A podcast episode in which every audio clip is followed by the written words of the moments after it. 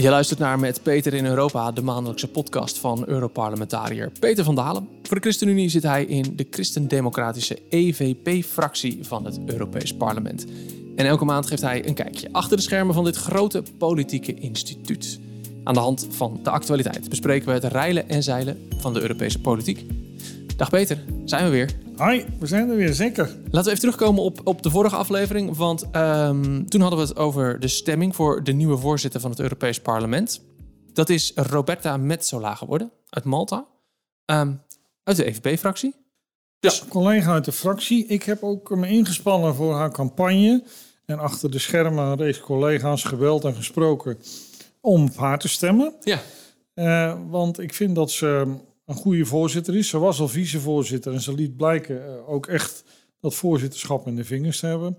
En ik heb ook persoonlijke sympathie voor haar. Wij hebben samen eh, afgelopen december het Europese gebedsontbijt gedaan. En uh, nou, dat was erg inspirerend zoals ze daar sprak. Dus uh, ik ben blij dat ze het geworden is. Er was wel gelijk weer ophef, hè? Zoals altijd met dit soort dingen. Maar er was altijd ophef. Dit keer ging het over haar abortusstandpunt. Ja, kijk, in Malta is de abortuswetgeving zeer uh, terughoudend. Je kan er eigenlijk geen abortus plegen. En zij heeft ook in haar stemgedrag in de afgelopen jaren in het parlement laten zien het daarmee eens te zijn. Dus er waren nogal heel wat collega's van de liberale fractie en de linkse fracties die haar daarop juist aanvielen. Maar abortus is een item, daar gaat Europa helemaal niet Nee. over. Dus dat was wat uh, gezocht, vond ik eerlijk gezegd. En ook flauw, want ze heeft zoveel andere kwaliteiten. En dat ze uitkwam voor haar mening over abortus. Nou, dat vind ik prima. Dus ik vond het een erg opgeblazen circus. Maar, maar je zegt, de abortus is een, is een thema van dat, waar de landelijke overheid over gaat, niet de Europese. Maar waarom? Er zijn dan wel dus stemmingen over? Of er worden zo een paar keer per jaar moties in stemming gebracht over abortus. Dat abortus vrij moet worden in Europa. En dat de lidstaten uh, beperkende wetgeving op het gebied van Europa uh, abortus moeten stoppen. Nou, helaas is daar ook meestal wel een meerderheid voor in het parlement. Maar goed, dat zijn moties waarvan dan vervolgens de Europese Commissie zegt en de lidstaten, daar gaan jullie niet over. Dus er is een motie die kwam bij het oud papier. Ah, zo ja. Dus, en er wordt toch al over gestemd.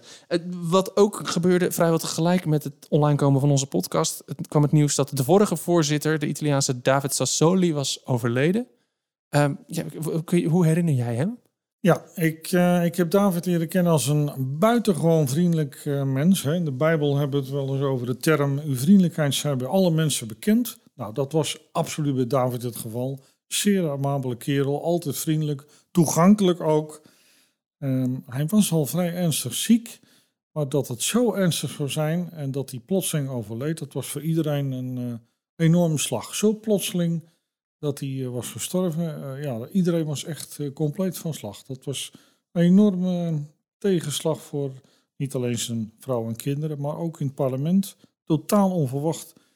En hij was ook nog niet zo oud. Ja, dat, dat, en het is nog nooit eerder gebeurd dat een voorzitter van een Europese instelling, of het nou het parlement is, of de Raad van Ministers, of de Europese Commissie, dat een zittende voorzitter was overleden. Dus dat maakte het nog extra pijnlijk. Ja, dat, Ja. dat trof iedereen. Ja, ja, ik zie het ook aan jou. Ja, Dat je, ja. dat- ja, ik was zeer geraakt. Ja. En eh, ook een, eh, een vriend van mij, een Italiaanse collega, die was ook nauw bevriend met David. Dus ik kende ook wat meer over David dan het gemiddelde parlementslid. Het heeft me zeer getroffen. ja, ja. Nou, het was ook wel, daardoor kon Roberta Metsola ook, moest ook gelijk aan de bak, of zo. De verkiezing van een nieuwe voorzitter stond al gepland. Eh, en uitgerekend voor die datum overleed David Sassoli. Dus dat maakte het allemaal extra gevoelig. Maar Ja. het was al bekend dat hij zou terugtreden. We zouden een ander moeten kiezen. Maar ja, dan in de sfeer van zo'n begrafenis eh, moeten kiezen voor een nieuwe voorzitter. Dat lag allemaal wel gevoelig. Ja, ja. Ondertussen waren er nog andere verkiezingen, want jij bent ook herkozen als vicevoorzitter van de Visserijcommissie. Klopt. Ehm, elk ehm 2,5 jaar worden de posten in het parlement opnieuw verdeeld. eh, voor zowel de voorzitter, dat hebben we net besproken, maar ook voor de voorzitters en vicevoorzitters van de verschillende commissies. Eh, en ik ben opnieuw gekozen, eh, unaniem moet ik zeggen, door alle leden van de Visserijcommissie als vicevoorzitter. Dat vond ik toch wel aardig, eh, omdat daar een zekere, laat ik zeggen, waardering uit bleek van de collega's, maar ook dat je toch als vicevoorzitter een aardige vinger in de pap hebt van wat komt er dan wel op de agenda, wat niet en wanneer.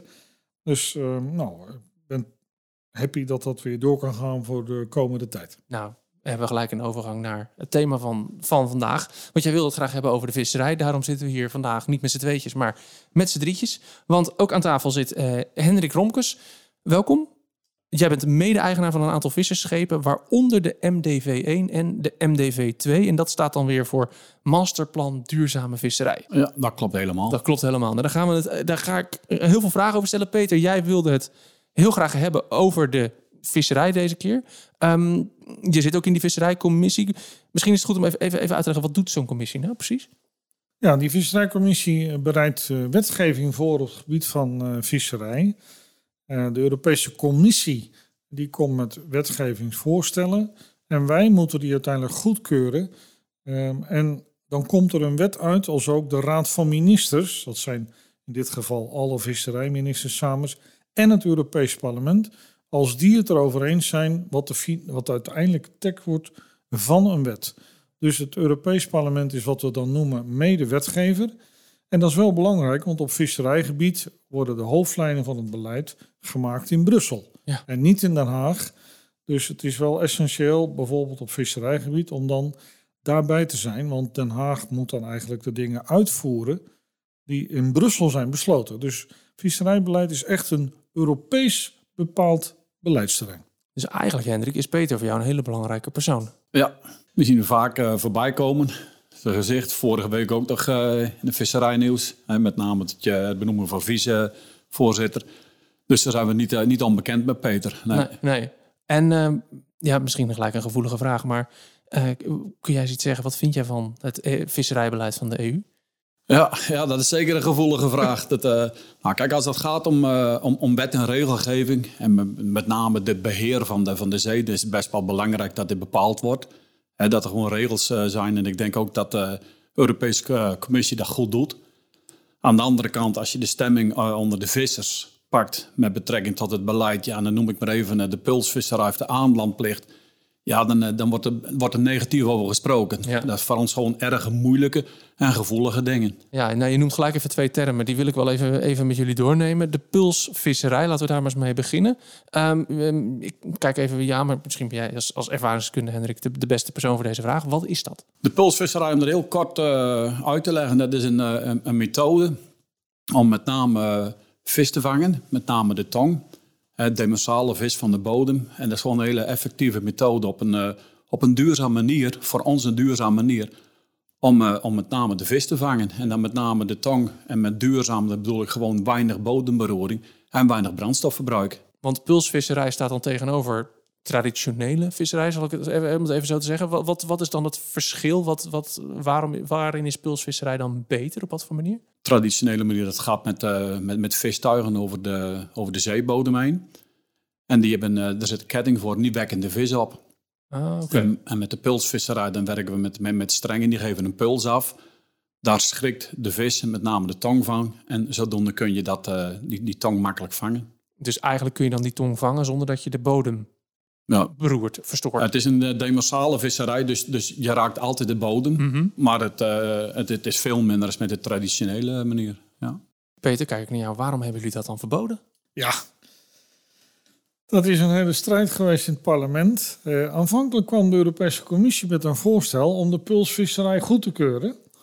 En nou, daar was ik erg blij mee, want uh, Hendrik zegt het terecht. Hè, je hebt minder brandstof gebruikt, dus minder CO2-uitstoot. Uh, je hoeft de bodem nauwelijks te beroeren. Allemaal prachtige voordelen die ook heel uh, duurzaam zijn. Maar ja, toen kwam de competitie. En de competitie kwam met name uit de Franse hoek. De Fransen vonden dat die Nederlanders veel te veel al in de jaren daarvoor uh, ontheffingen hadden gekregen om het pulstuig, zoals het dan heet, te, te vissen. En die Fransen keken met veel jaloezie naar ons en naar onze visserij, die goed verdiende. Uh, en uiteindelijk is het denk ik toch een combinatie geweest van jaloezie, uh, competitie. Um, maar ook Nederland heeft het denk ik niet al te slim gespeeld. De regering heeft in de periode tussen 2012 en 2017, 2018 heel veel van die pulsontheffingen aangevraagd. Zodat op een gegeven moment nou, bijna een kwart van de vloot aan het pulsen was. En dan werd daar het argument bij gegeven: ja, we doen wetenschappelijk onderzoek om te kijken hoe goed die puls is. Ja, met zo'n grote hoeveelheid schepen uh, moet je dan inderdaad wel met wetenschappelijke rapporten op de proppen komen. En die kwamen niet. Dus ik denk dat Nederland ook te weinig inclusief bezig is geweest om bijvoorbeeld al aan het begin de Fransen bij te betrekken en ze te laten zien hoe goed dat dit allemaal is. En op, uiteindelijk hebben we toen het, uh, het deksel op de neus gekregen, helaas. Ik las in de voorbereiding dat sommige vissers misschien wel voor een halve ton aan investeringen nu weer terug moesten gaan draaien. Investeren in schepen en uh, in, in, in, apparatuur. Hoe is dat voor jou geweest, Hendrik? Was jij ook hiermee bezig? Ja, hier waren wij ook mee bezig. We hadden, uh, we hadden ook een schip wat, uh, wat de pulsvisserij deed. En we moesten eerst investeren om het schip helemaal klaar te maken voor die pulsvisserij. Dus er moesten andere vistuigen komen. Er moest, de elektriciteit moest veranderd worden. In de machinekamer dingen veranderd worden. Lieren moesten er extra bij komen. En dat is eigenlijk allemaal de schroot ingegaan. En uh, toen moesten we weer investeren in de oude methodes. Dus terug naar het oude. En, en, en als we even een grove schatting doen, wat, wat heeft het je dan gekost om in eerste instantie die investering te doen in de pulsvisserij en daarna dat allemaal weer terug te zetten naar de oude situatie? Ja, een, een ton of vijf. Drieënhalve ton uh, investeren in de pulsvisserij en anderhalve ton om weer terug te komen naar de oude methode. Zo. En dan heb je nou nog kosten, want de brandstof is natuurlijk weer veel hoger dan vroeger met de puls. Ja, en dan komt er weer bij dus dat we van... Uh, met de pulsvisser hadden we een reductie van 50% brandstof.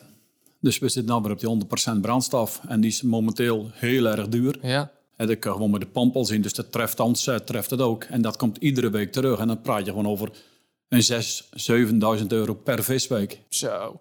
En dat is ook nog iets, weet je wel, dan hebben we het over duurzaamheid, goed zorgen voor de aarde. Uh, ja, de, die, diesel is het, neem ik aan. Is niet gasolie. per se, gasolie is niet per se goed voor, voor, voor het milieu. Dus hoe minder, hoe beter natuurlijk ook op dat vlak. Nou, dat is voor ons ook het zure. Wij uh, we hadden het gevoel dat we op dat gebied goed bezig waren met betrekking ook tot, tot, tot het klimaat. Het jaar uh, dat dit verboden is, is het klimaatakkoord is gesloten. En wij moesten weer verdubbelen onze brandstof, dus verdubbelen in CO2-uitstoot met name. Dus, en verdubbelen, ja. Dus dat is, dat is gewoon, ja, dat voelt toch heel erg zuur, nog steeds. Ja, ja. ja. En nog steeds ook, het voelt voor mij ook zuur omdat de hele aanval op de puls die werd geleid door de Franse groenen. Nou, je zou toch verwachten met zo'n prachtige duurzame methode dat de groenen voor zouden zijn nou, als één politieke groepering in Europa het heeft laten afweten, inclusief GroenLinks uit Nederland. Dan waren het de groenen. Die hebben dit gewoon vanaf het begin getorpedeerd. Uh, terwijl het niet alleen goed was voor de schepen, maar ook voor de vissen. Want het is een, wat we dan noemen, selectieve vismethode. Je vangt juist die vissen die je graag naar boven wil trekken. En andere vissen die je dan min of meer ongewenst in je netten krijgt, die, die zie je gewoon minder. Dus het is werkelijk schrijnend tot op de dag van vandaag eh, dat die puls eh, verdwenen is. Dat, eh, en ik blijf ook met de Nederlandse collega's in de Visserijcommissie van tijd tot tijd weer aan de bel trekken over die puls. We hebben nu deze week ook weer amendementen ingediend ten gunste van de puls. Om eens te kijken van kunnen we er nu weer over gaan praten. Want een tijdje was, afgelopen jaar was praten over de puls als vloeken in de kerk. Maar ik wil toch weer het debat proberen aan te zwengelen. Um, want het is een prachtige methode. Ja, ja. En, en nou noem je wel een mooi punt. Want hè, een selectieve methode, je hebt minder bijvangst. Um, dan kom ik ook uit bij die andere term die je noemde, de aanlandplicht.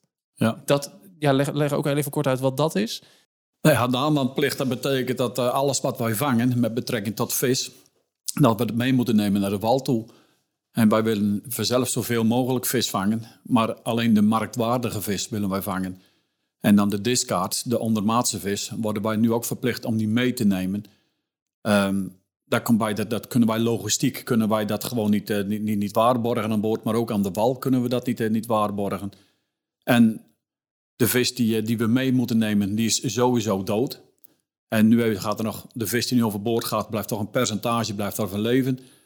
Dus dat is ook gewoon ja, heel moeilijk. De gedachte er misschien achter, van het begin, dat er met, met betrekking tot voedselvoorspelling, nou, dat vinden we helemaal geen verkeerde gedachte. Maar nu dat alles meegenomen moet worden, ja, dan dan moord je eigenlijk alles uit. Ja, ja. maar de gedachte erachter is natuurlijk dat, dat dit misschien innovaties eh, in de hand helpt. Dat mensen gaan innoveren, dat er andere soort netten komen met grotere mazen, waardoor kleine vissen sowieso niet in de netten komen. Werkt dat niet zo?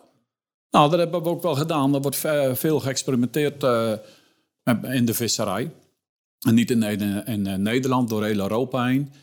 En dan ga je proberen je doelsoorten te vangen. Dus we gaan echt wel selectiever vissen. Alleen op het moment dat je een bodemvisserij doet, zul je ten alle tijde soorten vangen die er, die, er, ja, die er gewoon bij zitten. En alle soorten heb je wel quota voor. En je doelsoorten, daar heb je gewoon je meeste quota voor. Ja, je vangt dus ook visjes die te klein zijn. Ja, en die moet je nu dus meenemen. En om dat nu te gaan controleren, want dat is, dat is een relatief nieuwe. Dit, deze aanlandplicht is al wel een, een poosje. Maar de, de nieuwe ontwikkeling is nu dat er besloten is om camera's aan boord van de schepen te gaan installeren. Ja, dat is nog niet besloten zeggen. Is nog niet helemaal besloten? Nee, er wordt nu gediscussieerd over hoe moet je nu controleren dat toch niet uh, die kleine visjes overboord worden teruggegooid de zeeën. Hè? En hoe moet je dat nou controleren? Nou, er ligt inderdaad een voorstel om bij schepen tot een bepaalde lengtemaat een camera's aan boord te gaan hangen. om te controleren of inderdaad die vis niet wordt teruggegooid. Maar dat is nog niet besloten.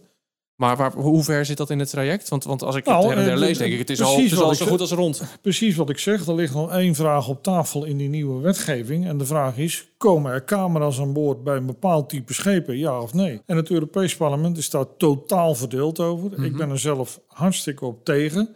Hè, eh, wij zitten hier nu in dit zaaltje. Je hebt toch ook geen camera hier hangen of wij wel goed ons best doen Hè, en of we geen uh, andere dingen zitten te doen dan in deze microfoon te praten. Nou, dat is het gevoel ook voor de visserman, hè, die uh, zo'n camera aan boord heeft en die uh, de privacy makkelijk kan schenden. Ik vind dat echt niet nodig. Je kan ook op een andere manier die controle wel vastleggen. Maar het parlement is dus zeer verdeeld, maar ook de raad van ministers is zeer verdeeld. En zolang die verdeeldheid er is, en deze twee partijen, de ministers en het parlement, er niet uitkomen, is die knoop nog niet doorgehakt. Misschien gebeurt het voor de zomer. Maar misschien moet ik je in september zeggen dat we er nog niet uit zijn. Zo, nou ja, Hendrik, even. Eh, Peter is tegen, dat is duidelijk. Ja, ik ga het misschien een klein beetje voor je invullen. Maar ik denk dat jij ook geen voorstander bent.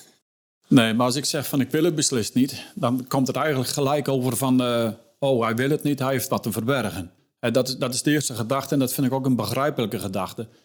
En ga ik tien jaar terug, toen hebben wij camera's aan boord gehad. Dat had te maken met het kabeljauwerstelplan. En het was dan een project, het CCTV-project. En toen hebben wij met camera's gevaren. En omdat ik ook weet hoe dat werkt, uh, heel intensief. Want al die beelden die moeten uitgelezen worden. En, en, waar haal je de mensen vandaan die al die beelden uitgelezen? Dus dat, dat, dat wordt hem gewoon niet. Maar ook uh, vanuit het verleden hebben wij best wel dingen aangeleverd. Hè, want wij worden al continu gevolgd op zee. Ze kunnen altijd zien waar we zitten. En het is, het is gewoon echt uh, big, big brother watching you. En nou komt dit er nog weer bij. Het is elke keer een extra stap. En wij weten, we hebben een volgsysteem aan boord. Als dat systeem stuk gaat, hè, dat is, je zit op zee en de schip beweegt altijd, kan stuk gaan. Dan mogen we die visweek die mogen we uitmaken. Maar op het moment dat we binnenkomen en al zijn de spullen niet op voorraad leverbaar, blijft het schip gewoon binnen liggen.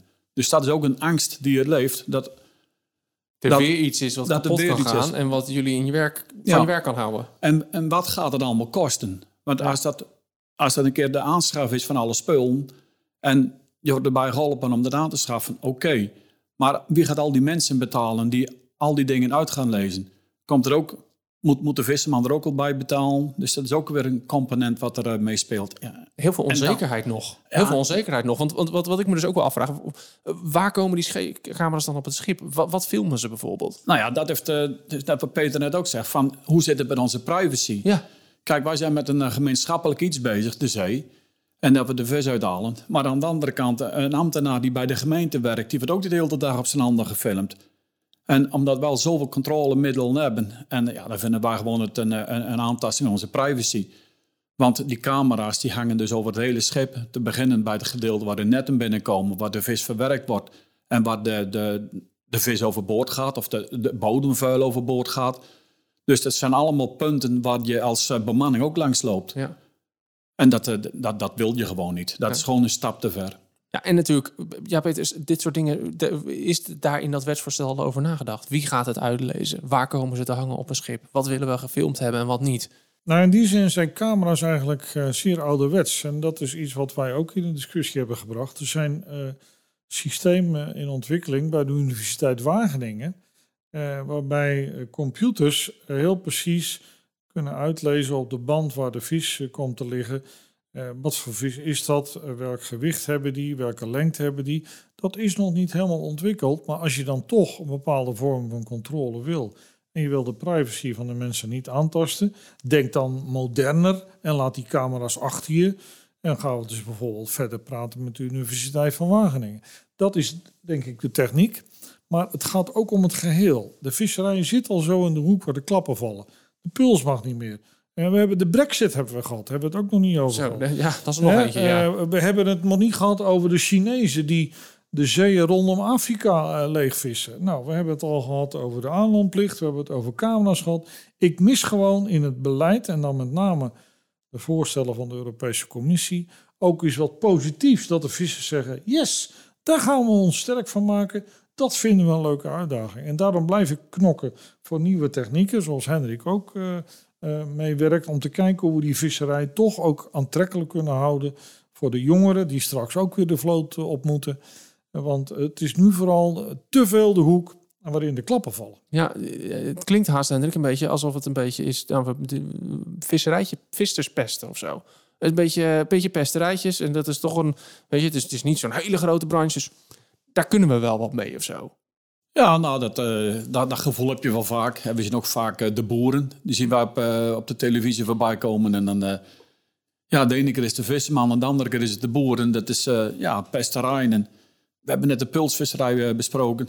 Als je, als je denkt dat je goed bezig bent, hè, economisch en ecologisch, hè, dat er een goede balans in zit, en dat je dan door een, door een natuurorganisatie dus afgebrand wordt, ja, dat zien we echt als pesterij. Terwijl, nou, je zegt, je wil wel, want eh, even terug helemaal naar het begin. Je bent mede-eigenaar onder andere van de twee, uh, de twee schepen MDV1 en MDV2, Masterplan Duurzame Visserij. Wat is jullie doel daarmee? Nou, ons doel daarmee is, ik heb het eigenlijk net al gezegd, dat je, dat je een visserij ontwikkelt die economisch, maar ook ecologisch en een goede balans is. En we hebben als visserij, heeft ieder bedrijf best wel veel gedaan als het gaat om, om verduurzaming. Iedereen op zijn eigen manier. En daar zijn we op een gegeven moment, wat het om de kenniskring, en daar zijn we een stap verder in gegaan. En dus alle innovatieve dingen, die hebben wij verzameld. Daar hebben we het, een paar jaar over gedaan. En van al die dingen hebben wij dus een, een schip gebouwd. Ook met, met medewerking van, uh, van, van Europa met betrekking tot subsidie. En dat, dat schip dat vaart elektrisch. We hebben alleen een generatorset aan boord. Dus de, de hoofdmotor, wat wij noemen, is gewoon een, eh, een elektrische een E-motor. Dus er is ook veel minder CO2-uitstoot. Maar we hebben eigenlijk op alle punten hebben wij dus gewoon rekening uh, proberen te houden van hoe kunnen we dat schip zo duurzaam mogelijk inzetten. Met te beginnen met wat ik net zeg, CO2-uitstoot, maar ook met betrekking tot de scholen om een stukje onderwijs daarin in te geven, voorlichting erin te geven van hoe kunnen we dat op een andere manier doen.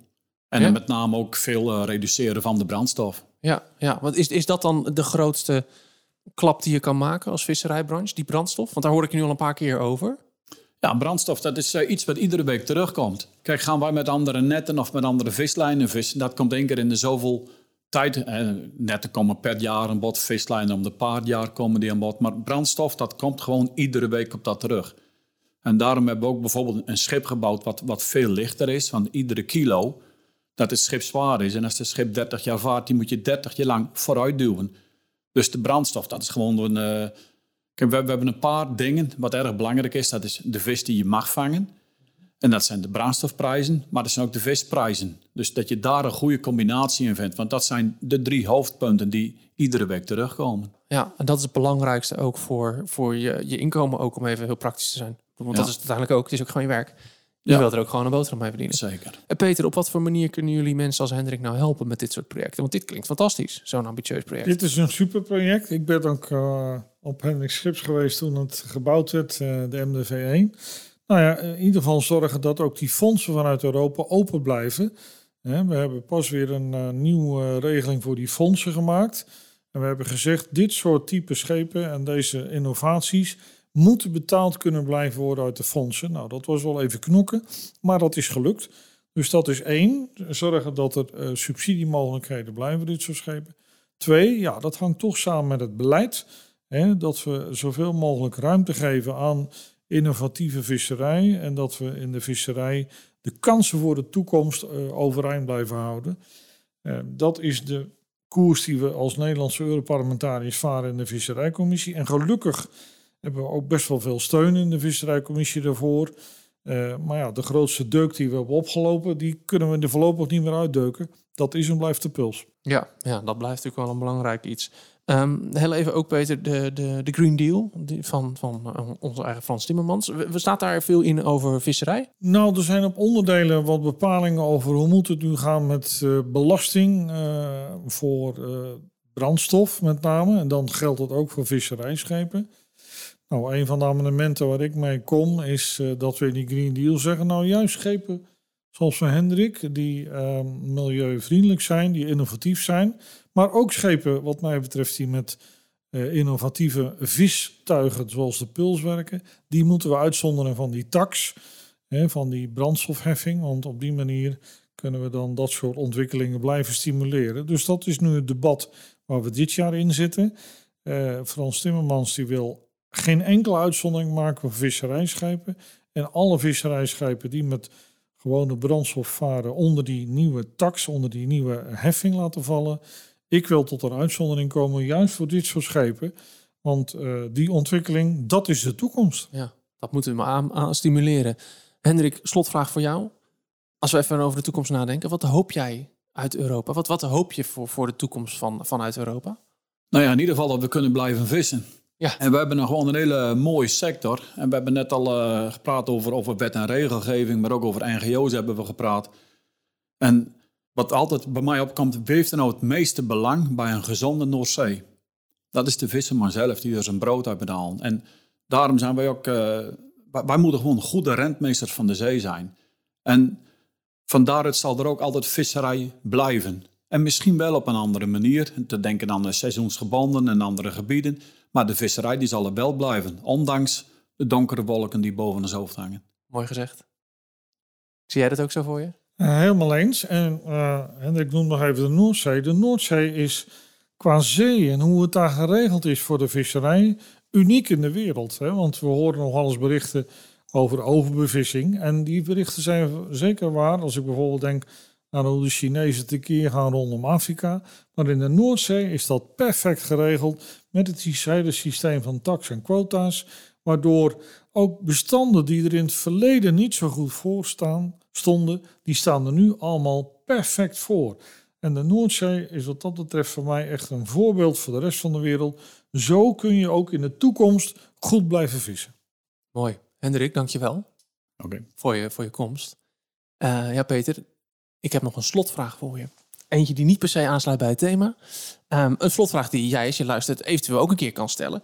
Als je uh, iets zou willen weten over het parlement, hoe dat nou werkt, of hoe Peter nou denkt over bepaalde thema's die misschien geen visserij zijn, um, dan kun je, die, uh, kun je die vragen eens op de mail zetten. eurofractiepodcast.gmail.com is het mailadres. En dan uh, stel ik hem hier in de podcast. En af en toe stel ik er ook zelf eentje. En um, deze keer eentje waar ik wel, ik wel eens vaker over nagedacht heb. jij spreekt wel eens in dat Europees parlement met, met al die zoveel honderd leden. Ik denk dat die allemaal wel eens willen spreken. Hoe krijg je dan voor elkaar? Hoe krijg je die spreektijd dan voor elkaar? Hoe gaat dat in zijn werk?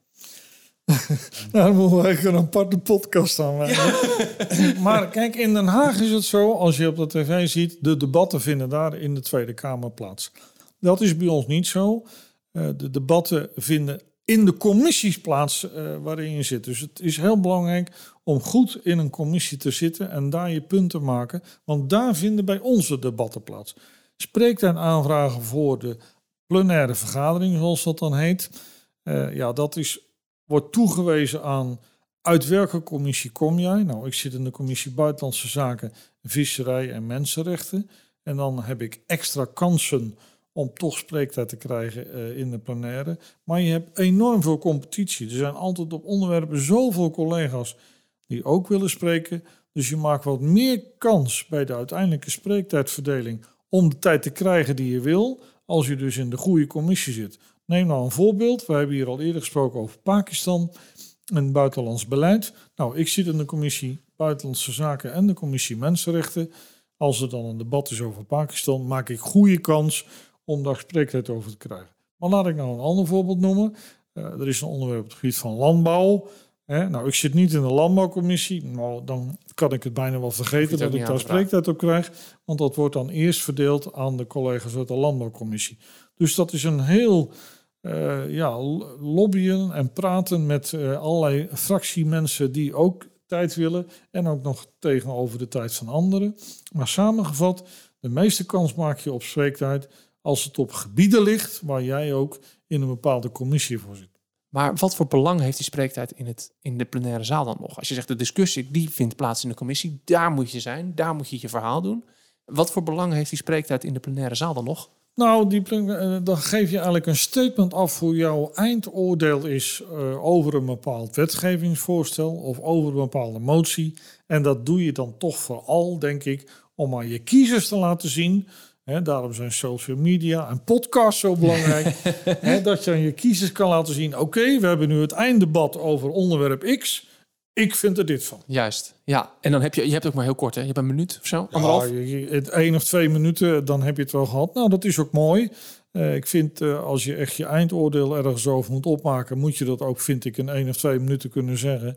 En uh, ik vind het ook wel prettig, want soms kijk ik wel eens naar die debatten bij de collega's in Den Haag. Dan denk ik, oeh, ja, nou, dat, Daar hoef ik niet bij te zitten. Dat, dat, is natuurlijk het beeld dat ik heb. Dat je dan dus als, als fractievoorzitter of als woordvoerder op bepaald thema in de Kamer krijg je spreektijd. En dat is dan een, uh, nou ja, hoe groter je fractie, hoe meer spreektijd je hebt volgens mij. Maar dan gaan ze interrumperen en interrumperen en interrumperen en interrumperen. Maar dat, dat is dus niet. Jij wordt niet geïnterrumpeerd als je spreekt. Ik word in de plenaire zaal word ik niet geïnterrumpeerd. Dat is ook uh, verboden. In de commissievergaderingen gebeurt dat wel. Maar het verschil met Den Haag is, vind ik wel. Bij ons gaat het dan toch over het algemeen wat uh, minder scherp aan toe. Ik vind de debatten in Den Haag uh, soms echt wel eens lelijk. Dat ik denk, ja jongens, moet dat nou zo? Dat je elkaar zo staat af te katten. Nou, dat zul je bij ons niet aantreffen. Ook niet in de plek waar de debatten plaatsvinden, onze commissievergadering. Heel goed. Komende week, wat heb je op de agenda staan? Ja, op de agenda voor komende week staat de nieuwe plenaire vergadering in Straatsburg. Um, daar hebben we onder andere een discussie over een uh, visserijrapport. Wat over de toekomst van de visserij gaat. Uh, dus dat is wel een belangrijke dag. We hebben verder ook in die week uh, weer ons gebedsontbijt met collega's. En wellicht hebben we nog een uh, debat over de situatie in Rusland. Dat moet er worden bepaald net voor het weekend of dat op de agenda komt. Maar gezien de spanning in Rusland verwacht ik ook dat dat op de agenda komt. Dus een Straatsburgweek. Dat is voor de agenda voor komende week. En, eh, en dat overleg uh, over de visserij, heb je, heb je spreektijd? Nou, dat is nog geen plenair debat. Maar omdat alle collega's dan in Straatsburg aanwezig zijn, naar verwachting, hebben we als uh, rapporteur en schaduwrapporteurs een debat onderling over de eindtekst. Hoe oh, komt nou de eindtekst? Dus dat staat nu nog niet op de rol voor de plenaire vergadering. Dat komt waarschijnlijk in ik denk april of mei dan op de plenaire vergadering. Kijk, en dan ga je spreektijd aanvragen. Denk ik Precies. Zo. Helemaal goed. Nou, veel succes weer. En wij spreken elkaar dan uh, over een maandje weer. Dank je. Je luisterde naar Met Peter in Europa, een podcast van de ChristenUnie en de EVP-fractie. Mijn naam is Zegert van der Linden. Volgende maand maken we weer een nieuwe aflevering en daarin behandelen we misschien wel jouw vraag over het Europees Parlement. Wat heb jij nou altijd alles willen weten daarover? Je kunt je vragen mailen naar eurofractiepodcast.gmail.com of stellen via social media. Check voor de juiste links de show notes. Dan beantwoorden we jouw vraag misschien wel in de volgende aflevering. Abonneer je op de podcast in je favoriete podcast app. Dan verschijnt de aflevering vanzelf in je feed. Bedankt voor het luisteren. Tot volgende maand.